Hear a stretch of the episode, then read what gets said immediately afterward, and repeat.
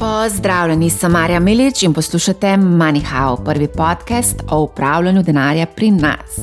Cene nepremičnin dosegajo nove rekorde in o dogajanju na trgu nepremičnin se bom pogovarjala z mojim stalnim gostom Andražem Briljem, ki je tudi ocenjevalec vrednosti nepremičnin pri Capital Genetics. Zdravo, Andraž. Marja živijo. Evo, mi dva smo spet skupaj in seveda zdaj bomo pogledali aktualno statistiko, ki ste jo pripravili na Capital Genetics.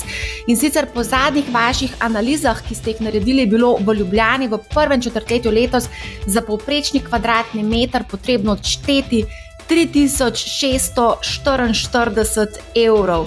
To je nov rekord, ne? to je 7,8 odstotka več kot v zadnjem četrtletju lani in 16,4 odstotka več kot v istem obdobju lani. Pa da je biti še malo bolj brutalna od dna, ki je bilo doseženo v prvem četrtletju 2015, takrat je bilo za kvadratni meter potrebno odšteti 1900 evrov, ne?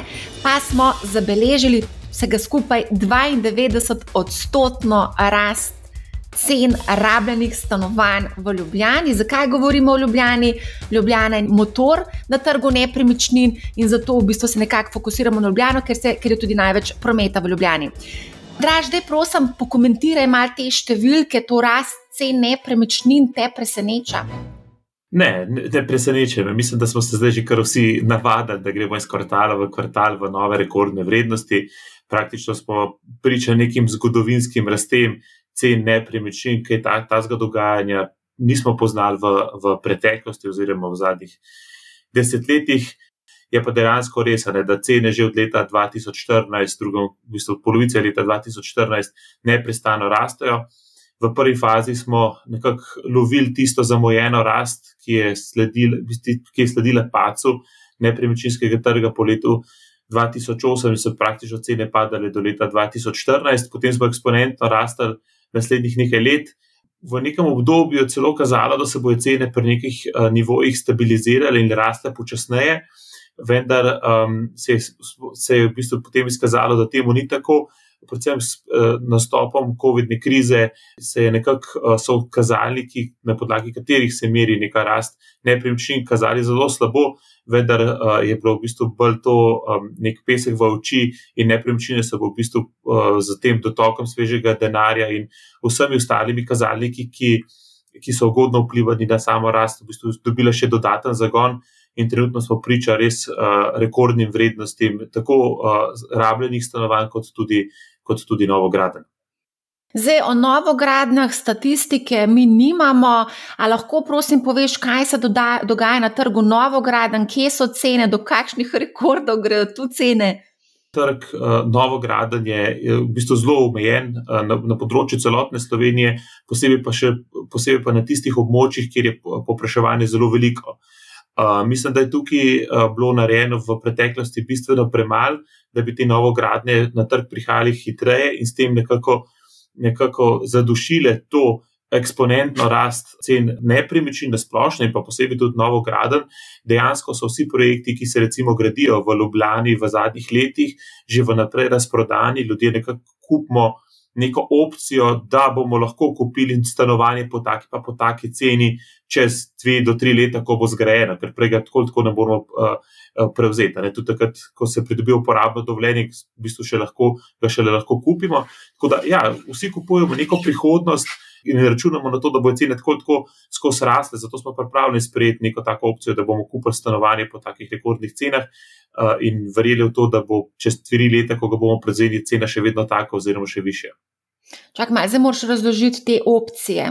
A to je za običajna praksa? Ne, ne gre. Mislim, jaz, jaz jih pomenim nek, kot neke vrste opcije. To ni, da bi kupili nek, uh, nek finančni inštrument na borzi, ampak pravno, da danes, recimo, projekti, ki se danes gradijo, ne bojo narečili čez dve do tri leta, ne, uh, proda, te investitorji pa že prodajajo in ti v bistvu danes kupaš uh, stanovanje po določeni ceni, ne, in, ki bo zgrajena šele čez, čez tri leta. Deva samo mečka nazaj na rabljena stanovanja in sicer ugotovila sem iz vaše raziskave, da se škarje med novejšimi rabljenimi stanovanji in starejšimi rabljenimi stanovanji, da se te škarje počasi zapirajo. In sicer za starejše stanovanja od 10 let je potrebno poprečju odšteti 3640 evrov, za tiste, ki so mlajša od 10 let, pa 3700 evrov. Razlika je le 2 odstotka. Medtem ko so bile te škarje bistveno bolj odprte, ne vem, še pred desetimi, petimi leti, več kot 20-odstotna razlika je bila med novejšimi rabljenimi in starejšimi rabljenimi, zdaj se, zdaj se pa te škarje vse bolj zapirajo. Se pravi, rabljena stanovanja pod črto se je pa treba zavedati, je potrebno renovirati in imeti seveda v mislih tudi ta budžet za renovacijo, ko kupujemo rabljeno stanovanje. Kako zdaj, kaj se dogaja s temi rabljenimi stanovanji? Ja, to, to samo kaže v bistvu na določen v bistvu, kazalci na pregrevanje samega trga. Uh, mislim, da so se cene novograden bistveno hitreje nekako izoblikovale in dosegle neko, nek, nek razpon vrednosti, kot pa rabljena stanovanja, ki so temu sledila. Uh, novogradne so se v bistvu relativno hitro pozicionirane, bomo rekli, tam med 4 in 6 tisoč evri na, na kvadratni meter. Odvisno od lokacije in, in standarda, standarda gradnje, medtem ko so rabljena stanovanja v bistvu dobivala zagon in lovila novo gradnjo. Vsi investitorji, ki so prišli v nekem obdobju, vmes med letom 2009 in 2015, se praktično ni več gradilo, in vsi investitorji, ki so nekako zagnali spet nepremičninske projekte, so relativno hitro prišli do, do teh nivojev, kjer so tudi v bistvu, kjer so že nekaj, nekaj leta. Ne, Medtem ko so v bistvu rabljena stanovanja, v bistvu temu sledila, ampak pomankanju ponudbe novograden In po velikem povpraševanju, ki so pa s določenimi kazalniki, kot so naprimer inflacija, do, dober sentiment kupcev, povečanje depozitev v bankah, eh, so v bistvu je bilo povpraševanje tako enormno, da so bili kupci, ki so želeli na vsak način nekaj kupiti, v bistvu se odločili, da bodo kupili pač rabljeno stanovanje. In to so seveda prodajalci hitro ugotovili in so cene tukaj skokovito tudi naraščale. Zato je zdaj ta razlika med rabljenimi in pa starimi stanovanji. Eh, v bistvu ta uh, razpor, ne te škare, kot si prej govorila, bistveno manjša, kot je bila. Ne. Greva pa tako, kot že, že prej govorila, ne kupci so prepričani, da bodo cene še rasle in so pripravljeni kupiti stanovanje tudi po teh cenah, ker mislijo, da v tem primeru tukaj tudi tega ne morejo izgubiti, ne, ker dolgoročno računajo, da bojo, da bojo cene šle še, še naprej gor. Mogoče tukaj samo še eno vprašanje vezano na obnovo stanovanj. Zdaj, danes je praktično ne mogoče dobiti v nekem normalnem roku obrtnike, oziroma če jih že dobimo, so cene kar skokovito poskočile za 20-30 odstotkov. Kako je zdaj s tem, mogoče poznaš eh, dogajanje na trgu obnov? Mislim, definitivno vsi eh, dobro poznamo, kaj se je zgodilo s samimi surovinami, samimi ugradnimi elementi, ki so potrebni za gradno uh, nepremičnin, uh, železo, uh, beton, vse ti v bistvu, temeljni elementi so poskočili in tukaj so šle cene dejansko več kot 100% na nekaterih elementih tudi gor. To seveda podraži celotno prenovo hiš, kot tudi stanovanj, tudi v bistvu sami projekti. Investitorjem so se pač stroški izgradnje in stroški investicije bistveno podražili. Zadnje informacije so, da, da se v bistvu te cene že večkrat normalizirajo, da, da v bistvu tudi malo določene te surovine tudi, tudi, tudi padejo. Ne. Ampak definitivno, to ima definitivno vpliv na na samo eh, ceno prenove stanovanja in pa kalkulacijo posameznikov, ki kupujejo rabljene stanovanja. Če smo prej govorili, da je cena prenove stanovanja med 500-600 evri na kvadratni meter, je to sedaj bistveno, bistveno više. Ja, zdaj marsikdo se bo vprašal na tej točki, kaj naj zdaj naredim. Ne, naj počakam, da bojo cene se vse malo korigirale, da, da bojo padle in bom potem kupil stanovanje. Kaj, kaj, kaj še na svet je zdaj za recimo tiste, ki so v lovu za novo nepremičnino. To se, to se je že v preteklosti izkazalo uh, kot neuspešen recept. Ne? Uh, Marsikdo je že pred tremi leti želel kupiti nepremičnino in kupil šele v lanskem letu, ker je enostavno ugotovil, da če bi pred tremi leti, ko je računal, da bo mogoče cene padle ali pa da se bodo stabilizirale, zamudil ti zlak in so cene danes bistveno, bistveno dražje, so se pač danes odločili, da bodo kupili to stanovanje, ker računajo, da bo cene v prihodnosti tudi, tudi više. Uh, v vsakem primeru, tisti, ki kupujejo stanovanje za kot primarno potrebo, se pravi, da dozvolijo lastne potrebe po nekem bivalnem prostoru, za tiste je v bistvu praktično vseeno, kdaj kupijo. Uh, mogoče ni najboljše, da se kupi res na vrhuncu, ampak ta vrhunec cen je zelo težko zadeti. Ampak v vsakem primeru oni kupujejo nepremičnino, v kateri bodo bivali po vsej verjetnosti 20, 30, 40, 50 let. In v, v tem obdobju se ta, bodo te vrhovi tako, tako vsi posekani. In dolgoročno je glede na zgodovino tudi pričakovati, da bodo cene nepremičnine rasle. Pokazala se je zelo dobra korelacija z gibanjem bruto domačega proizvoda, tako da če bo bruto domači proizvod rastel, bodo tudi cene cene nepremičnin rasle. Po drugi strani imamo pa te ljudi, ki so, ki so kupovali stanovanja kot eh, špekulacija, kot investicijski nakup, ne kot nek ohranjevalec vrednosti. Te ljudje so pa bolj, eh, so pa drugačni eh, tipi investitorjev. Ne. Te ljudje se pa lahko hitreje preplašijo in so pripravljeni tudi malo več počakati. Ne. Če zdaj pogledamo, imamo tudi donos na državne obveznice, recimo Hrvaška državna obveznica, Evrska obveznica, eh, kotira že pri 3%, kar je že neka alternativa eh, neki naložbi v neko stanovansko nepremičnino oziroma nek ohranjevalec vrednosti denarja.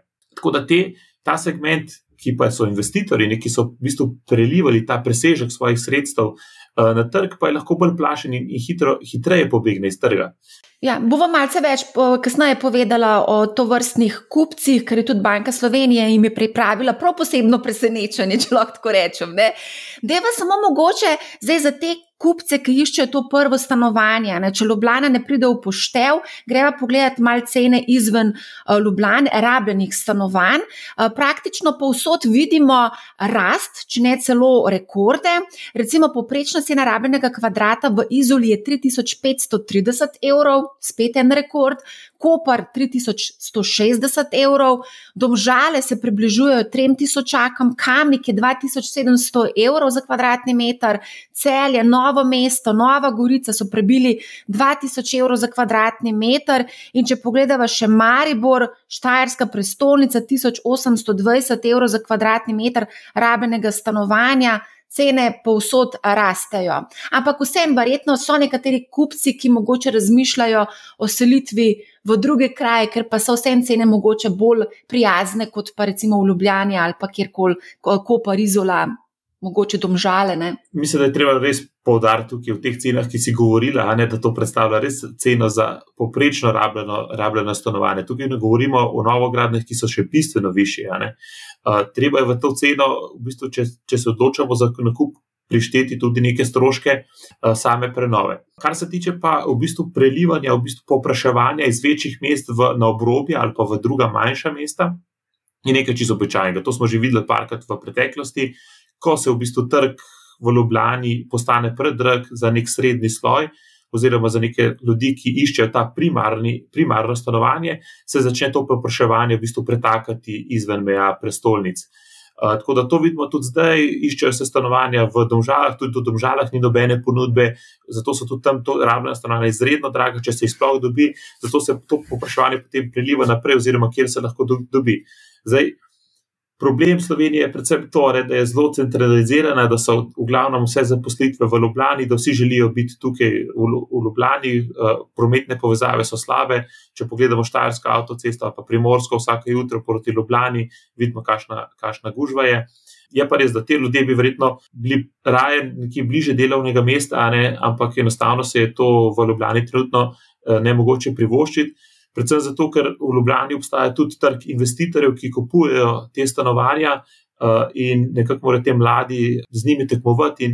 Cenovno so investitorji bistveno manj občutljivi, kot pa, pa mladi in so tudi pripravljeni plačati. Njim je par deset tisoč evrov plačati več za stanovanje, praktično nepredmetno, kot v nasprotnem primeru pa mladim, pa to veliko pomeni. No, Banka Slovenije je pa tudi izračunala, da so stanovanja precenjena po vseh kazalnikih, ki jih upoštevajo in sicer za od 3 do 13 odstotkov. Preden komentirava ta izračun, da je va poslušati pojasnilo Mete Ahtik, direktorice oddelka finančna stabilnost in makrobonitetna politika pri Banki Slovenije. Negotovost pogosto vpliva tudi na nepremičninski trg. To smo videli že tekom pandemije, zlasti v drugih državah. Saj se je precej kapitala skanaliziralo ravno na nepremičninske trge, kar je rezultiralo v visokih ravneh rasti v nekaterih evropskih državah. Slovenija lansko leto oziroma predlansko leto še ni bila med njimi. Pri nas se je ta rast začela v drugi polovici lanskega leta in v zadnjem kvartalu celo presegla 15 odstotkov. S tem so cene so na stanovanske nepremičnine postale precenjene in to praktično po vseh kazalnikih, ki jih spremljamo, je pa nivo precenjenosti med kazalniki različen in se giblje med 3 in 13 odstotki. Če to primerjamo s sliko v drugih državah, tu gledamo sicer precej enostavne kazalnike, torej razmere med cenami in dohodkom in pa razmere med cenami in najmninami, vidimo, da slovenski trg nepremičnin še ni med tistimi, kjer so cene bolj precenjene, ostaja pod medijano, vendarle pa je ta trend, ki se je oblikoval, kot rečeno, v zadnjem obdobju, lahko zaskrbljujoč. To neravnovesje sicer v glavnem izhaja iz dolgo časa trajajočega nesorazmerja med ponudbo in popraševanjem na tem trgu. Tako lahko vidimo, da so recimo investicije v na stanovanjskem trgu, torej v stanovansko gradnjo, kot delež BDP v Sloveniji precej nižje kot v večini drugih držav evroobmočja oziroma Evropske unije, torej tudi pod povprečjem teh dveh entitet. In to seveda dolgoročno vpliva na cene nepremičnin, zlasti v okoliščinah, ko jih spremlja povečano popraševanje, kot je recimo zaradi različnih dejavnikov tudi zdaj.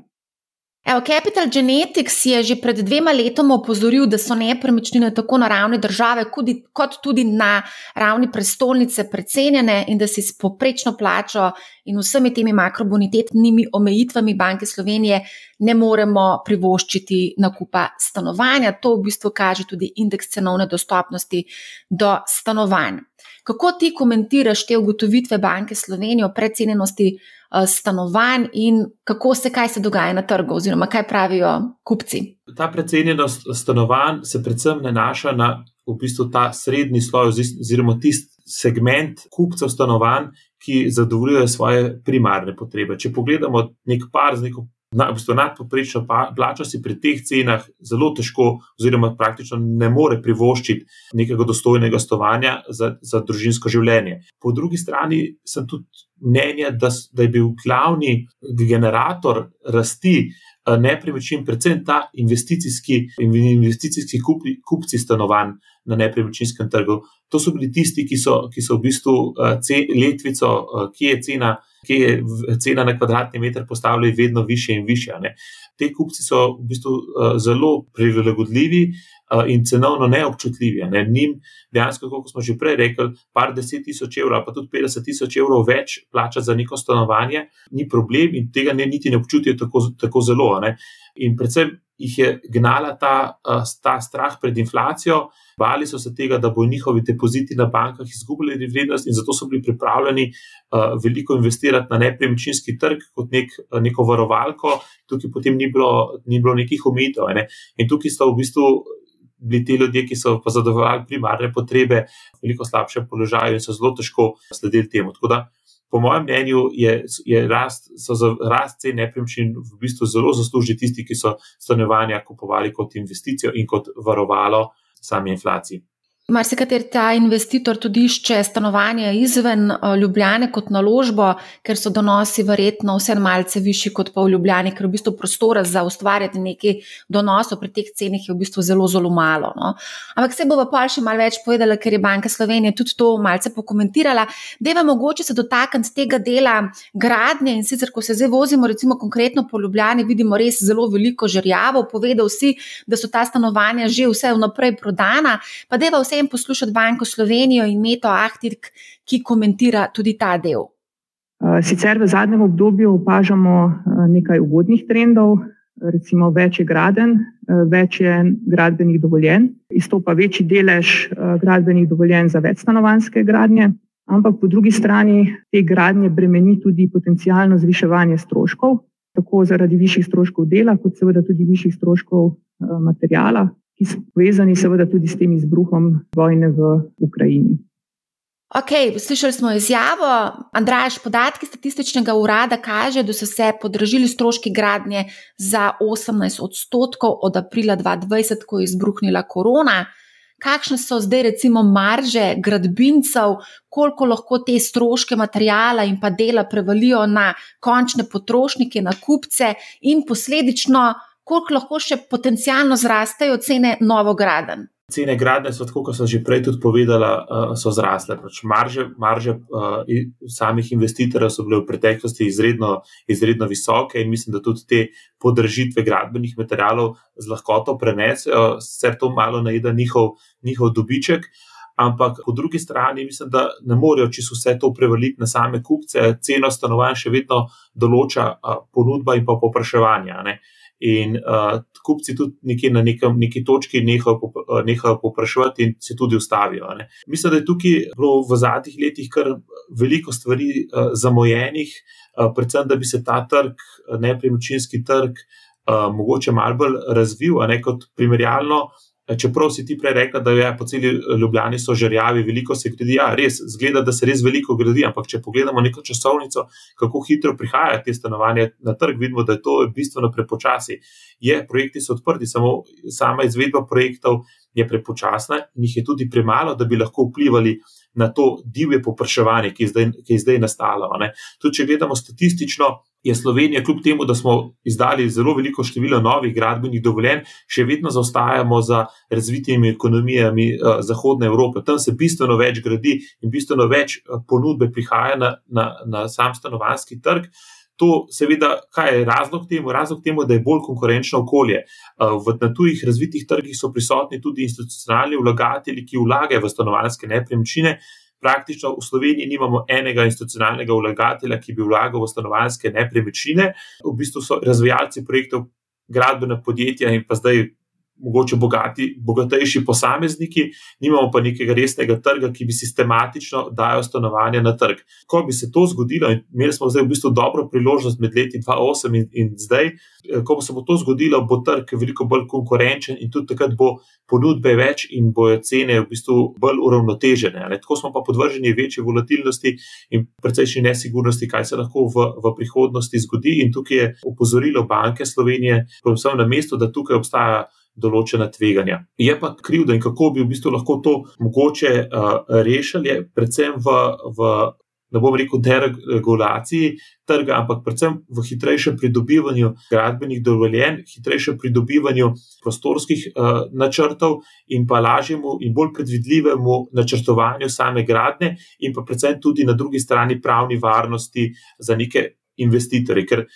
Šele na tak način bomo lahko privabili eh, tuji kapital oziroma večje institucionalne vlagatelje, se imamo tudi uh, naše pokojninske sklade za varovalnice, ki bi lahko vlagali v stanovanske nepremičnine in ki bi v bistvu ta trg naredile bolj konkurenčen, večji in uh, potem bi se stvari na trgu normalizirale. No. Večina kupcev, ki seveda kupuje stanovanje, to financira z najemom kredita, ponavadi je tako. Deva poslušati, kaj je Banka Slovenija povedala o kreditih. V zadnjem obdobju, torej v zadnjih mesecih lanskega leta in pa v začetku tega leta, pa opažamo tudi, da se ta tveganja iz nepremičninskega trga v nekoliko večji meri prelivajo tudi v sam bančni sistem. Opazili smo precej visoko aktivnost na kreditnem trgu, torej veliko no-, novih stanovanjskih posojil, njihova rast se je v drugi polovici leta povzpela celo na 9 odstotkov in v začetku tega leta presegla 10 odstotkov. Na nepremičninski trg se sicer v iskanju alternativnih naložb preliva tudi precej depozitov, ki so se nabrali v bankah v tem kriznem obdobju. Um, Andraš, slišala sva Banko Slovenijo, um, kako ocenilci vrednosti nepremičnin, kaj vi opažate na trgu, vi ste v tesnem stiku, sodelovanju z bankami, kako je z novo odobrenimi krediti, kaj se dogaja? No, moram reči, da v zadnjih dveh, treh letih je bila ta aktivnost uh, novega kreditiranja uh, izredno visoka. Tukaj bi lahko razdelili na dva dela, te, ki so imeli kredite. Na eni strani so tisti, ki so kupovali nepremičnine, na drugi strani so pa tisti, ki so v bistvu jemali nove kredite, predvsem kot reprogram starih kreditov. Ne. Moramo vedeti, da so se kreditni pogoji in obrestne mere bistveno znižale v preteklih uh, letih, in veliko ljudi se je odločilo, da bojo svoje kredite reprogramirali. Uh, predvsem je to opazno v zadnjem obdobju, ko obstaja strah pred zviševanjem Euriborja. Eh, v zadnjem obdobju so vsi panično hiteli na banke in zamenjevali eh, svoje variabilne kredite z fiksnimi obrestnimi merami. kar je tudi v bistvu razumljivo, ker praksa v tujini je, da se stanovanske nepremičnine kupuje vedno za fiksno obrestno mero, se praktično ti jemliš za tretjino življenja nek stanovanski kredit ali pa še več, in je zelo težko predvideti, kaj se bo zgodilo na tak dolgi rok. In a mogoče veš, po kakšnih, um, kakšne so trenutno fiksne obrestne mere, kaj ponujajo banke? Fiksne obrestne mere uh, so se začele dvigovati, mislim, da so še zadnji te zadnje ponudbe, ki so zdaj na trgu, tam okrog procent in pol. Do 2% se zdaj gibljajo neke te fiksne obrestne mere, ampak to je, mislim, da še zadnji vlak, te fiksne obrestne mere bodo, bodo šle, sigurno, sigurno gor.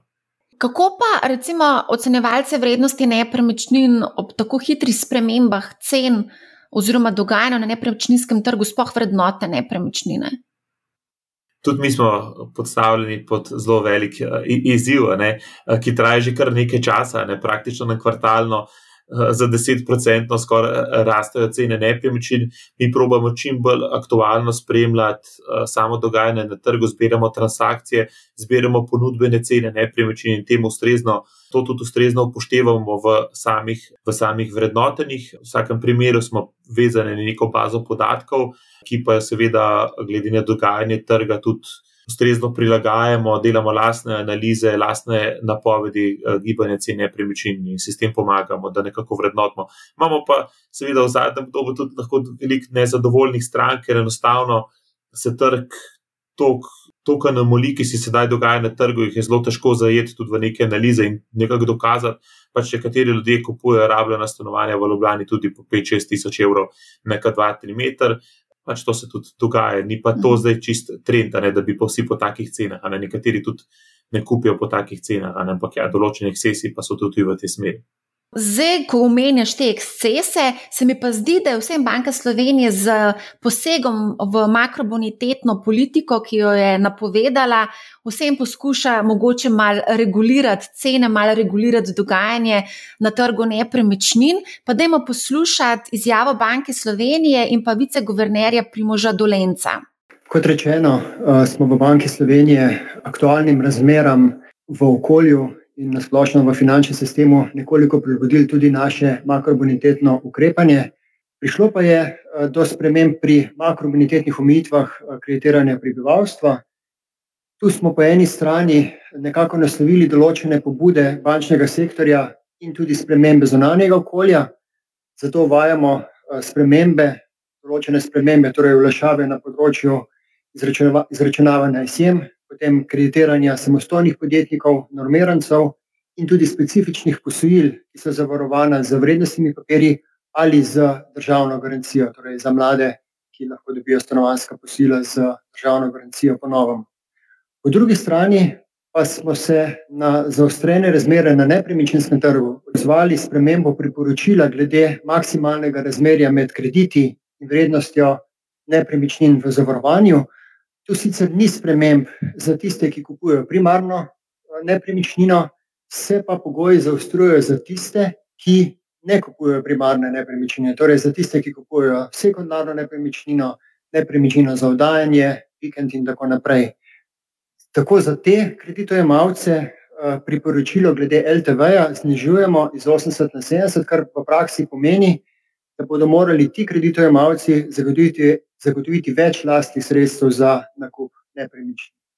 Zdaj, po novem, bodo banke imele bolj proste roke pri odobravanju izjem, oziroma za teh 10% stanovanjskih in potrošnih posojil ne bo, potreb, ne bo treba upoštevati naših makrobonitetnih omejitev glede izračuna kreditne sposobnosti. Seveda pa bodo morale banke še naprej slediti svoji kreditni politiki, interni presoji in odločitvi, komu bodo te nam te izjeme namenili, oziroma pod kakšnimi pogoji. Evo, slišali smo, po novem, investitorji potrebujejo 30 odstotkov vlastnih sredstev in ne 20 odstotkov vlastnih sredstev, kar je veljalo zdaj za vse uh, kupce nepremičnin, ki jih financirajo z uh, posojili. Kot bo to prizadelo investitorje, ali v bistvu Banka Slovenije s tem ukrepom lahko na, na nek način regulira dogajanje na trgu nepremičnin. Ker prej si omenjal, da so spodbudile te cene ravno te nakupi investitorjev. Jaz mislim, da to ne bo imelo nek bistvenega vpliva na, na, samo gibanje, eh, na, na samo gibanje cen. ti investitorji, ki so zdaj kupovali, imajo ponovadi kar velike presežke, presežke denarja. Tudi prej smo rekli, da niso tako cenovno občutljivi. Tako da, če bojo mogli dati na mest 20%, 30% vlastnih sredstev, mislim, da bojo tudi to tudi zmogli. Um, mislim, da bomo imeli večji vpliv na sam nepremičninski trg, bolj neka makroekonomska politika in pa gibanje obrestnih mer. Zdaj vidimo, da ameriška centralna banka je že dvignila obrestne mere, prvi podatki iz ameriškega trga že kažejo, da se nekako vidni znaki nekega umirjanja uh, samih cen. Pri nas se to še, še ni zgodilo, ampak tudi pri nas se počasi že, že premikajo te obrestne mere in te. Kupci, ki kupujejo nepremičnine kot investicijo, bodo v nekem določenem trenutku začeli to gledati kot uh, gledati tudi alternativne naložbe, uh, ki jim bo mogoče zagotavljale uh, podobne donose ob manjših tveganjih. Tukaj bo prišlo pač do neke točke preloma, eh, ampak zaenkrat mislim, da še, še nismo tam. No. Trenutno, trenutno so še vsi kazalci nekako zelo ugodni, ne? se pravi, še zmeraj imamo relativno nizke obrestne mere, še vedno imamo inflacijo, še vedno imamo dostopne, dostopne kredite, ne? še vedno imamo pomankanje ponudbe. In pa na drugi strani veliko popraševanja. Uh, Eh, tako da tukaj so kazalci, ki kažejo, da, da ta trg uh, bo še, še naprej rastel. Ne? Ni še nekih znakov, ki bi kazali na, na samo umirjenje.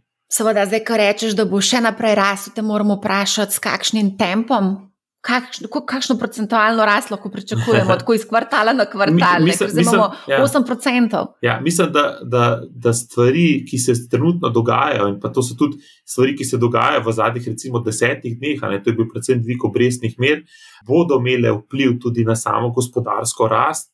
Uh, mislim, da se bo relativno hitro pokazali, kakšen vpliv imajo te ukrepi centralnih bank na samo gospodarstvo in pa na samo tudi inflacijo.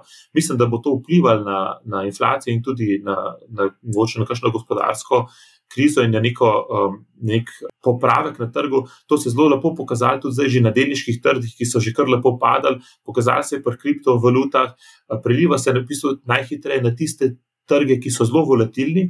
V nasprotnem primeru je nepremičninski trg zelo počasen pri svojih odzivih na dogajanje na makroekonomskem področju.